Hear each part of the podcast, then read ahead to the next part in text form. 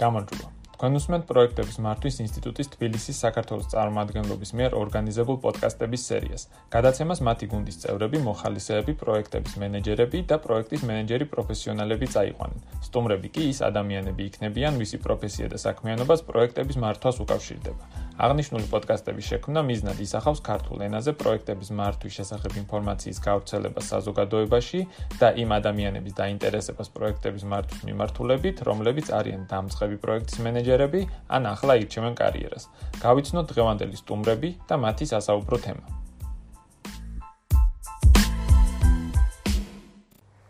მოგესალმებით. მე ვარ თამთა ბასილაია, სერტიფიცირებული პროექტის მენეჯერი PMI საქართველოს წარმომადგენლობის წევრი და მოხალისე. პროექტის მართვის მიმართულებით ჩემი გამოცდილება ძირითადად უკავშირდება სამშენებლო პროექტების მართვას და პარალელურად ვარ პროექტის მართვის მოწვეული ლექტორი თავისუფალთა აგრარულ უნივერსიტეტებში.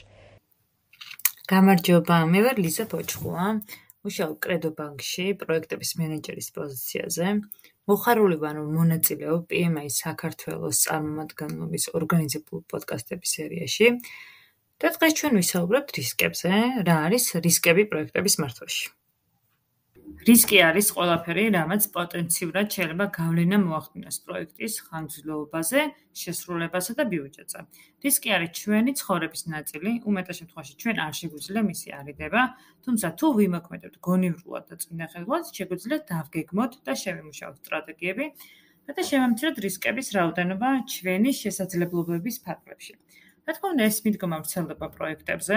პროექტის მენეჯერის ერთ-ერთი მოვალეობა დაიყვანოს რისკები მისაღებს ბრამდე ისე რომ პროექტი განსაზღვრულ ბიუჯეტში და დროში დაასრულოს. ამისთვის თავარია პროექტის მენეჯერი ფოკუსირდეს რისკების თავიდან არიდებაზე რისკი არის გაურკვეველი მოვლენა ან მდგომარეობა რომელიც განხორციელების შემთხვევაში პროექტის მიზნებზე იქონიებს დადებით ან უარყოფით შედეგს ნეგატიური რისკები ქმნიან მოულოდნელობას, რომელიც უარყოფით გავლენას ახდენს პროექტზე, ხოლო პოზიტიური რისკები ქმნიან შესაძლებლობას, რომელიც პროექტში სასარგებლოდ შეგვიძლია გამოვიყენოთ. მაგალითად, ნეგატიური რისკი შეიძლება იყოს გუნდის წევრის წასვლა პროექტიდან, ან თავრობის მიერ დადგენილი რაიმე რეგულაცია, რომელიც ნეგატიურად აისახება პროექტის განხორციელებაზე, შეიძლება ცუდი ამინდის პროექტის რისკი იყოს, თუ პროექტი ხორციელდება ღიაცის ქვეშ. რაც შეეხება პოზიტიურ რისკებს, პოზიტიურ რისკების გავლენა პროექტზე შესაძლებელია შემდეგი იყოს, მაგალითად, პროექტი დასრულდეს ვადაზე ადრე, მეტი მომხმარებელი მოვიზიტოთ, ვიდრე გათვლილი ქონდა, ან ტექნოლოგიური მიღწევები, რომელიც ორგანიზაციულ პროცესებს უფრო ეფექტურს გახდიან. პოზიტიური რისკი შესაძლოა სწრაფად გადაიქცეს ნეგატიურ რისკად, ამიტომ გუნდთან ერთად უნდა დაიგეგმოს ყველა შესაძლო შემთხვევა. ნეგატიური ისევე როგორც დადებითი რისკები რისკის მართვის გეგმის ნაწილია, მაგრამ განსხვავება მიდგომებშია, რაზეც პოდკასტის სწავლების ფარგლებში გიამბობთ. პროექტის დაგეგმვის ფაზაში გადასვლისას პირველ რიგში უნდა ვიფიქროთ რისკებზე. რამ შეიძლება შეგვიშალოს ხელი? ცოტა ნეგატიურ აჭერს, მაგრამ ამაზე ფიქრი და დაგეგმარების ფაზაში გათვალისწინება კრიტიკულად მნიშვნელოვანია პროექტის წარმატებისთვის. კვლევების თანახმად რისკების ძირითადი გამოწვევი მიზეზები ხშირად არიან დამკვეთები, როდესაც ბუნდოვანია მისი მოთხოვნები. პროექტის მართვის პროცესების ცოდნის ნაკლებობა და მართვაში ნაკლები ძალისხმევის ჩადება. ასევე თუ პროექტში ჩნდებიან მესამე მხარეები, მაგალითად ქვეკონტაქტორები ან ჩვენი დამკვეთის მომხმარებლები, მომწოდებლები, როდესაც კომპანია არის ცვლების წინააღმდეგი ან რეზისტენტული, ასევე კულტურული განსხვავებები. რისკები ასევე იყოფა გარე და შიდა რისკებად. გარე რისკია მაგალითად ქვეყანაში არსებული რეგულაციებთან ქვეყნის სტაბილურობასთან, გარე კომპანიებთან და ტექნოლოგიურ მიღწევებთან დაკავშირებული რისკები, ხოლო შიდა რისკია ორგანიზაციის შიგნით არსებული პროცედურების და მიდგომების გათვალისწინება პროექტებში, როგორც ამაგლა დაფინანსებასთან ან ადამიანურ რესურსებთან დაკავშირებული. გადავიდეთ შემდეგ ნაწილზე და განვიხილოთ, როგორ მართოთ რისკი და საერთოდ რა არის რისკის მართვა პროექტებში. პროექტების მართვის მეთოდოლოგია რისკის მართვის 6 პროცესს ითვალისწინებს, და სანამ თითოეულ მათგანს დეტალურად მიმოვიხილავთ, პირველ რიგში აღნიშნავ, რომ რისკის მართვის დასაწყებად გადამწყვეტი მნიშვნელობა აქვს ვიცოდეთ ჩვენი პროექტის ჩარტერი და ზუსტად კონტექსტ გასაზრული რა არის პროექტის მიზანი. რისკის მართვის პროცესში ჩართული მოყვარდეს პროექტის გუნდი, ვენდორები და ყველა დაინტერესებული მხარე. ამ შემთხვევაში გულისხმობ სტეიკჰოლდერებს. ამ ნაწილში კრიტიკულად მნიშვნელოვანია ძლიერი კომუნიკაცია და გამჭირვალეობა. რისკის მართვა არის პროცესი, რომელიც მოიცავს რისკის ანალიზს, იდენტიფიცირებას და რეაგირებას ნებისმიერ რისკზე, რომელიც წარმოიქმნება პროექტის სასიცოცხლო ციკლის განმავლობაში და რომელიც საფრთხეს უქმნის პროექტის მიზნებს. რისკების სამართავად გამოიყენება რისკების მართვის გეგმა, რომელიც არის დეტალურად განსაზღვრული დოკუმენტი და გვიჩვენებს, როგორ გავუმკლავდეთ კონკრეტულ რისკებს და რა ქმედებები უნდა განხორციელდეს ამ რისკების წინააღმდეგ იმისთვის, რომ შემცირდეს ან აღმოიფხვრას ისინი და არ მოახდინონ მათ ნეგატიური გავლენა პროექტზე. იგი მოიცავს რისკის მართვის სტრატეგიას, ან გეგმას თუ რა მიდგომებით უნდა იმართოს რისკები პროექტის მსვლელობისას. პასუხისმგებლობის გადანაწილებას გუნდში, რისკების დაყოფას კატეგორიების მიხედვით, რათა მათი მართვა უფრო გამარტივდეს. ასევე რეპორტინგის ფორმებს, მინდა რა სიხშირით მიიღებს რეპორტებს, დაინტერესებული მხარების მიმღებლობის დონეს რისკებთან მიმართებაში და სხვა ბევრ დეტალს, რომელიც პროექტის გუნდს ეხმარება, რისკების მართვის პროცესი გახდეს მეტად გამჭირვალე და ეფექტური. რისკის მართვის 6 პროცესი არსებობს. ესენია იდენტიფიცირება, ანალიზი, პრიორიტეტიზაცია, პასუხისმგებელი პირის განსაზღვრა, რეაგირება და მეექვსე მონიტორინგი. დავიწყოთ რისკების იდენტიფიკაციით, რადგან რა თქმა უნდა, ჩვენ ვერ აღვუხრით იმ რისკს, რომელიც უცნობია ჩვენთვის. ამიტომ პირველ რიგში მნიშვნელოვანია რისკების იდენტიფიცირება. არსებობს რამდენიმე გზა რისკების იდენტიფიცირებისთვის. ეს გზა მოიცავს შემდეგ ეტაპებს, ეს არის ინდივიდუალური პროექტის რისკის იდენტიფიცირება, იდენტიფიცირებული რისკების რეგისტრაციას რისკების რეესში და რეპორტის წარმოებას, განსაზღვრავს როგორც დადებითი, ისე უარყოფითი რისკის და სისტემატიურად აპდეითებს, რადგან რისკი იცვლება ყოველდღიურად. რისკის რისკის იდენტიფიკაციის რამდენიმე ხერხი არსებობს. ესენია ექსპერტული ცოდნა, მონაცემთა შეგროვება, მაგალითად ბრეინშტორმინგი გუნდის წევრების და სტეიქჰოლდერების ინტერვიუები, რაც გულისხმობს მაგალითად შემოსაბამისი გამოცდილების მქონე კოლეგებთან ინტერვიუებს, მონაცემთა ანალიზი, ძირითადი მონაცემთა მონაცემის ანალიზი ხდება ამ შემთხვევაში, დაშვებების და შეზღუდვების ანალიზი, დოკუმენტების ანალიზი და ასევე SWOT ანალიზი. SWOT ანალიზის მაგალითით შეიძლება განვიხილოთ და ვთქვათ, რომ სიძლიერე შეიძლება იყოს მენეჯმენტის საფორთი და ძლიერი თიმი, სისუსტე შეიძლება იყოს ცოტა დრო და დიდი ღირებულება, შესაძლებლობა შეიძლება იყოს მაგალითად ახალი IT სისტემა და საფრთხე შეიძლება ეს იყოს რეგულაციები ან პერსონალის დანაკლისი, ამ შემთხვევაში ადამიანური ადამიანური რესურსების დანაკლისი. რისკების იდენტიფიცირებისას ვაკითხავთ პროექტის სამ ძირითად კომპონენტს. იგივე შეზღუდვას, რომლებიც რისკების გამომწვევი ძირითადი წყაროებია. მაგალითად, ესენია: ფინანსური რისკი. ბიუჯეტირების ნაწილში პროექტის ხარჯი შესაძლებელია გაიზარდოს, თუ მოხდა ხარჯების არასაკმარისად ზედმიწევნით კალკულაცია ან ადგილი ექნა პროექტის შინაარსის ცვლილებას. მეორე, ეს არის დროსთან დაკავშირებული რისკი. ხშირად აქტივობები უფრო დიდხანს გრძელდება, ვიდრე ეს დაგეგმილი იყო, ამიტომ საჭიროებს გადახედვას. და მესამეს არის პროექტის შესრულებასთან დაკავშირებული რისკი. ანუ რისკი, რომ პროექტი იმ შედეგს ვერ დადებს, რაც გაწერილი იყო პროექტის მიზნებში. ამ ეტაპების შედეგები არის რისკების რეესტრი და რეპორტინგი. რისკების რეესტრი ეს არის დოკუმენტი, რომელიც აერთიანებს ყველა იდენტიფიცირებულ რისკს ერთ სივრცეში და მოიცავს ინფორმაციას ისეც, როგორიც არის რისკის და მისი გამომწვევი მიზეზების და პოტენციური ეფექტის აღწერა, რისკის კატეგორიების განსაზღვრა, რისკის მოხდების ალბათობის და მიზეზის შეფასება, რისკზე საპასუხო რეაქციების აღწერა და პასუხისმგებელი პირების იდენტიფიცირება.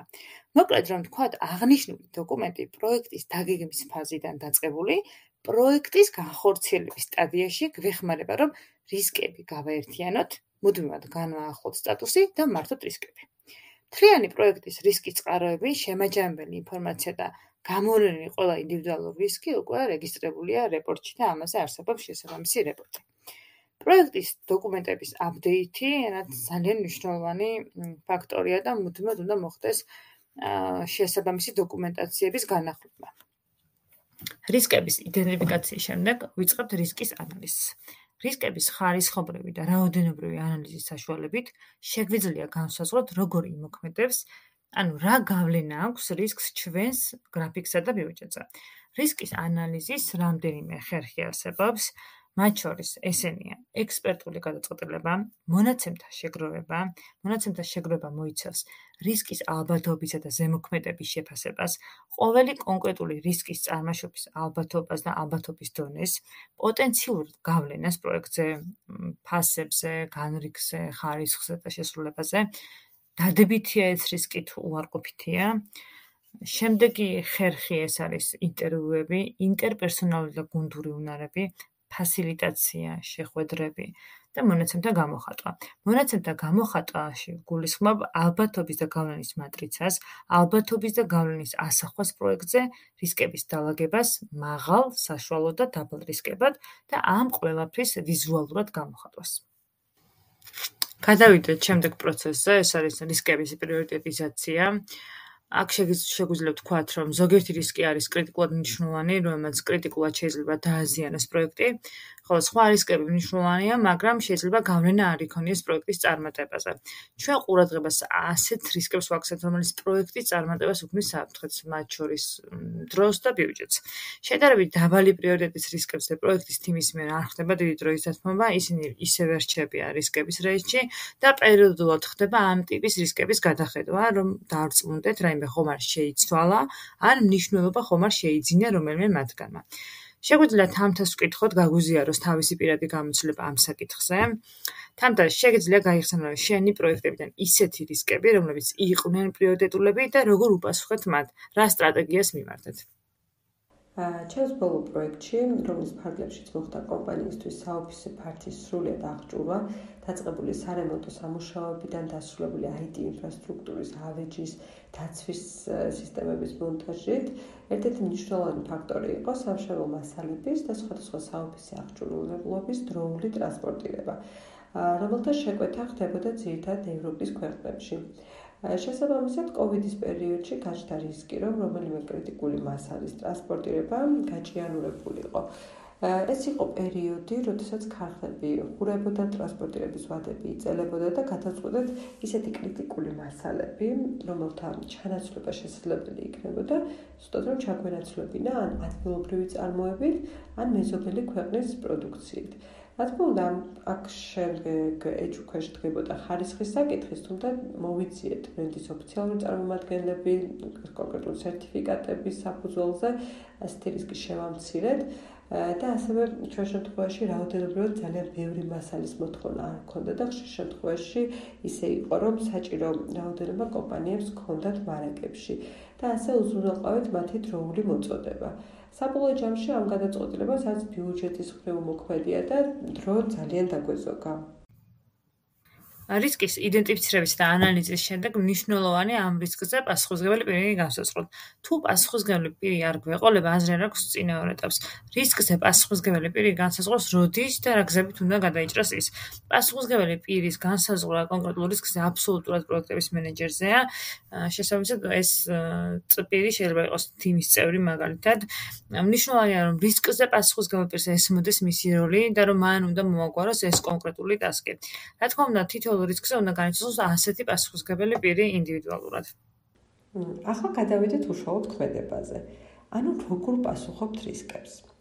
იმის შემდეგ, რაც რისკების იდენტიფიკაცია, ანალიზი და პრიორიტიზირება დასრულდება, თითოეულ პრიორიტეტულ რისკს თავისი საფასუხო ქმედება სჭირდება საპროექტო გუნდის მხრიდან, რომ იმ შემთხვევაში თუ კონკრეტული რისკი განხორციელდა, გუნდმა დროულად უპასუხოს და გაუმკლავდეს რისკის გამომწვევ შედეგებს. ნეგატიური რისკის შემთხვევაში არსებობს შემდეგი საფასუხო სტრატეგიები. რისკის თავიდან არიდება, შემცირება, რისკის მიღება, გადაცემა და რისკების ესკალაცია. მოდი განვიხილოთ თითოეული მათგანი ცალ-ცალკე. დავიწყოთ რისკების თავიდან არიდებიდან. ამ შემთხვევაში გუნდი მობილიზებულია, რომ სრულად აიცილოს რისკის შედეგი. ეს არის რადიკალური ქმედება, რადგან რისკი სრულად აღმოფხვრაზეა ორიენტირებული. რა თქმა უნდა, რისკი თავისი მნიშვნელობით უნდა იყოს საკმაოდ პრიორიტეტული და მნიშვნელოვანი, რომ გუნდს უღირდეს ამ ტიპის ქმედებით მასზე პასუხი. სამშენებლო სფეროში შეიძლება განვიხილოთ ისეთი სამშენებლო მასალა, რომელიც ადამიანის ჯანმრთელობისთვის არის სახიფათო. ამ შემთხვევაში რისკის თავიდან არიდება, იქნება რომ ეს კონკრეტული მასალა საერთოდ იქნას ამოღებული და ჩანაცვლდეს მსგავსი უსაფრთხო მასალით. ჩემს ბოლო პროექტში, სადაც საერთაშორისო არქიტექტურული კომპანია იყო ჩართული, შენობის პროექტირებაში და დიზაინში გადაწყვეტილება იყო იქნა მიღებული, რომ პროექტის განვითარების შემდგომ ეტაპზე ქართული კომპანია ჩაგვენაცვლებინა. რადგან დისტანციურად შენობის პროექტირება და ასევე სარემონტო სამუშაოების დროს სხვადასხვა კითხვებზე დროული რეაგირება კოვიდის პირობებში შეუძლებელი იქნებოდა. ამიტომ დავიქირავეთ ქართული კომპანია, რომელმაც გადაიბარა სამუშაოები, ძირითადად უკვე არსებული დიზაინი და მხოლოდ ტექნიკური ნაწილი ჩაებარა მას და განსაკუთრებით პროექტის უშუალოდ განხორციელების დროს და სამშენებლო სამუშაოების დროულად წარმართვაში ეს გადაწყვეტილება ძალიან დაგვეხმარა. რისკის თავიდან არიდების გადაწყვეტილება აუცილებლად იწვევს სხვა ცვლილებებს პროექტის სხვადასხვა კომპონენტებში, როგორც არის პროექტის შინაარსი, ბიუჯეტი, ხარისხი. ამიტომ სანამ გადაწყვეტილებას მივიღებთ, აუცილებელია ყველა კომპონენტის ცვლილება შევისწავლოთ. და გვიღის თუ არა ეს ცვლილება ავწონ დავწონოთ. შემდეგი საპასუხო რეაქცია იქნება რისკის შემცირება, რომელიც არის ყველაზე გავრცელებული პასუხი ნეგატიურ რისკებზე. ამ შემთხვევაში პროექტის გუნდი გეგმავს ისეთ ქმედებას, რომელიც რისკის გავლენას შეამცირებს. ანუ შესაძლებელია კონკრეტული რისკი განხორციელდეს, მაგრამ მისი შედეგი მაქსიმალურად იქნება შემცირებული.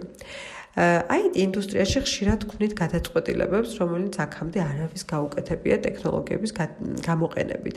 შესაბამისად, ასეთ პროექტებში არის გაურკვევლობები, რომ დავწუნდეთ ტექნოლოგია ზუსტად პასუხობს თუ არა და უზრუნველყოფს საჭირო ფუნქციონალს, ერთ-ერთი რისკის შემცირების გზა პროტოტიპის შექმნა და მისი გატესტვა. ასევე რისკის შემცირების გზებია minimum viable product-ის შექმნა, იგივე მინიმალური ფუნქციონალის მქონე პროდუქტი, რომელიც შეიცავს მხოლოდ აუცილებლად ფუნქციონალს და იმის შემდეგ, რაც გუნდი მასზე უკუკავშირს მიიღებს, შემდგომ ხდება პროდუქტის განვითარება. რისკის გადაცემა არის ასევე ერთ-ერთი გავრცელებული გზა პოტენციური რისკების შედეგების გასამკლავებლად. ამ შემთხვევაში შემოდის მესამე მხარე, რომელიც შენთან ერთად ინაწილებს რისკს. ალბათ გაგიგიათ, რომ როდესაც თანხობრივად მნიშვნელოვანი ან დიდი გარიგებები დგება ორგანიზაციებს შორის, საბანკო გარანტიას თხოვს ერთი მხარე მეორეს. რომ იმ შემთხვევაში თუ მეორე მხარე ვერ მიაწოდა მას სასურველი მომსახურება ან პროდუქტი, ბანკმა მოახდინოს მისი ანაზღაურება. ასევე პროდუქციის დაზღვევა და ზოგადად სადაზღვევო კომპანიებთან თანამშრომლობაც არის რისკების გადაცემის ერთ-ერთი ნათელი მაგალითი. რისკის გადაცემის გავრცელებული მაგალითია ასევე აუთსორსინგი. როდესაც შენ როგორც კომპანიას არ გაქვს კონკრეტული სერვისი პროექტის მოთხოვნების დასაკმაყოფილებლად და ქირაობ დარგის პროფესიონალებს და მათთან ერთად ამ შემთხვევაში ინაწილებ რისკებს. შემდეგი საფასურო რეაქცია იქნება რისკის მიღება. აა რისკის მიღების გადაწყვეტილება ხდება მაშინ, როდესაც საპროექტო გუნდი გადაწყვეტს, რომ კონკრეტული რისკის განხორციელებისას მიღებული შედეგი იმდენად უმნიშვნელოა, რომ არხის მასზე საპასუხო დამატებითი რესურსების, როგორც არის ფინანსური, ადამიანური თუ დროითი რესურსების გამოყოფა. ამიტომ ხდება ასეთი რისკების მიღება. რისკებზე საპასუხოდ პროექტში გვაქვს გათვალისწინებული ფინანსური და დროის რესურსი. ზუსტად გაუთვალისწინებელი ხარჯებისთვის. ამ რეზერვებით შესაძლებელია უპასუხოთ რისკებს იმ შემთხვევაში თუ ისინი განხორციელდებიან. მაგალითად არის რისკი, რომ თანამშრომელი ავად გახდეს და რამოდენიმე დღე ვერ შეასრულოს მისი ფუნქცია. თუმცა ის რეზერვები, რაც გვაქვს გრაფიკში გათვალისწინებული, ფარავს ასეთი ტიპის რისკებს და შეგვიძლია დაველოდოთ 2-3 დღე და შემდგომ შემდგომ განვაახლოთ მისი საქმიანობა. თუ ასეთი ტიპის რეზერვი ცოტაა, მაშინ უნდა გქონდეს გეგმა თუ რომელი თანამშრომლით შევძლებთ მის დროულ ჩანაცვლებას. და რისკების ესკალაცია. ამ დროს საპროექტო გუნდს შესაძლებელია არ კონდეს საკმარისი ძალაუფლება, ცოდნა ან რესურსი, რომ უპასუხოს რისკს და შესაძლებელია რისკი ცდებოდეს პროექტის არსებული შინაარსის ფარგლებს. ამიტომ ხდება მისი ესკალაცია შესაბამის უფრო მაღალი ძალაუფლების რგოლთან. რომელიც შეიძლება იყოს PMO, ანუ Project Management Office-ი, ან CEO და ის მოახდენს ამ კონკრეტულ რისკზე პასუხს. რისკის ესკალაცია შესაძლებელია მოვახდინოთ როგორც პოზიტიურ, ასევე ნეგატიურ რისკებზე პასუხად. მაგალითად, ერთ-ერთ სასტუმროს შენებლობის პროექტში დამკვეთმა პროექტის მენეჯერს მიაწოდა ინფორმაცია, რომ იგეგმებოდა მეორე სასტუმროს შენებლობა სხვა რეგიონში და დაინტერესებული იყო ისევ მათთან თანამშრომლობით მეორე პროექტის ფარგლებში. რადგან აღნიშნული შეთავაზება ცდებოდა საპროექტო გუნდის და კონკრეტულად პროექტის მენეჯერის კომპეტენციას, აღნიშნული საკითხის ესკალაცია მოხდა მენეჯერთან. ამ შემთხვევაში ეს მაგალითი ეხებოდა პოზიტიურ რისკებს, რაც არის დაკავშირებული დამატებით შესაძლებლობასთან კომპანიისთვის. პოზიტიურ რისკებზე შეგვიძლია დავგეგმოთ სხვადასხვა ტიპის პასუხები, რაც რა თქმა უნდა მათი პოზიტიური შედეგების მაქსიმალურად გაზრდასთან იქნება დაკავშირებული. მაგალითად, შესაძლებლობების გაზრდა, რომელიც გულისხმობს ისეთი სტრატეგიის შემუშავებას, რომ პოზიტიური რისკის მოხდენის ალბათობა, ან მისი პოზიტიური გავლენა პროექტზე მაქსიმალურად გაზარდოს. მაგალითად, მუშაობ პროექტზე, სადაც ხვდები, რომ შესაძლებელია სამუშაოები დროულად დაასრულო იმაზე ადრე, ვიდრე კონტრაქტით გაქვს გაწერილი და ცდილობ რესურსების გადაალაგო ისე, რომ მაქსიმალურად გაზარდო ეს შესაძლებლობა. ან შესაძლებელია სხვა პროექტის რესურსები გამოგითავისუფლდა და მიახმარო ამ კონკრეტულ პროექტს, რაც მოგცემს საშუალებას მის ვადაზე ადრე დასრულების. სხვა სხვა მიზეზებია თუ რატომ შეიძლება გინდოდეს პროექტი უფრო ადრე დაასრულო. შესაძლებელია განიხილო კონკრეტულ დამკვეთთან გრძელვადიან პერსპექტივაში თანამშრომლობას და გინდა კარგი პროგრესი აჩვენო. ასევე შესაძლებელია კონტრაქტში იყოს გაწერილი დამატებითი სარგებელი ვადაზე ადრე დასრულების შემთხვევაში. ასევე პოზიტიურ რისკებზე ერთ-ერთი საფასუხო სტრატეგია არის შესაძლებლობის 100%-ით მიღება. ამ შემთხვევაში საპროექტო გუნდი მობილიზებულია, რომ პოზიტიური რისკის მოხდენის ალბათობა მხოლოდ კი არ გაიზარდოს, არამედ უზრუნველყოს მისი 100%-ის აღსრულება. ამ შემთხვევაში უფრო რადიკალური გადაწყვეტილებებია საჭირო, რომელიც შეიძლება მეტ რესურსს მოითხოვდეს. ზემოთ მოყვანილი მაგალითი რომ განვიხილოთ თუ საპროექტო გუნდი გადაწყვეტა რომ სამუშაოები აუცილებლად ადრე უნდა დაესრულებინა მათი გადაწყვეტები შესაძლებელია ყოფილიყო უფრო რადიკალური. მაგალითად სხვა პროექტებიდან გადმოეყარათ მეტად გამოცდილი კადრები სამუშაო განკვეთის გარეთ ანაზღაურება დაეწესებინათ. ან 24 საათიანი სამუშაო რეჟიმზე გადასულიყვნენ და ცვლებზე ემუშავათ რესურსებს როგორც ნეგატიურ რისკებზე, ასევე პოზიტიურ რისკების შემთხვევაში შესაძლებელია საპროექტო გუნდმა აირჩიოს სტრატეგია, რომელიც არანაირ საპასუხო რეაქციას არ დაგეკმავს რისკზე და უბრალოდ მიიღებს მას. პოზიტიურ რისკებზე შესაძლებელია ასეთი პასუხი კონდეს გუნდს. და რა თქმა უნდა ამ შემთხვევაში ეს შესაძლებლობა იმდენად უმნიშვნელოა, რომ არ უღირს გუნდს დამატებითი ძალისხმევა, რომ გაზარდოს ამ რისკის მოხდენის ალბათობა. ან შეიძლება უფრო მეტ ძალისხმევას საჭიროებდეს, ვიდრე თვითონ რისკის შედეგს მოაქვს და ამიტომ არ ღირს. და რისკის გაზიარება, რაც პრინციპში უკვე ვისაუბრეთ, რისკის გაზიარება უმეტესწილად ხდება მესამე მხარესთან, თუ არ გაქვს შესაბამისი კვალიფიკაცია, გამოცდილება, რომ მიიღო ეს შესაძლებლობა, შესაძლებელია გააზიარო შენი შეხედულება და შესაძლებლობა სხვა მესამე რესურსთან. და ამით ორივე დარჩეთ მოგებულები. რისკის მართვის მეექვსე პროცესზე გადავედით, ეს არის მონიტორინგი. საჭიროა რისკის მართვის სტრატეგიების სისტემატიური მონიტორინგი და მიმოხილვა. მონიტორინგის ძირითად სამ მიზანს გამოვყოფ დღეს ამ პოდკასტში. პირველი ეს მიზანი არის იდენტიფიცირებული რისკების თვალყურის დევნება. შეიცვალა თუ არა ისინი. მეორე ეს არის ახალი რისკების იდენტიფიცირება და ანალიზი და მესამე რისკის პროცესის ეფექტურობის შეფასება მთელი პროექტის განმავლობაში.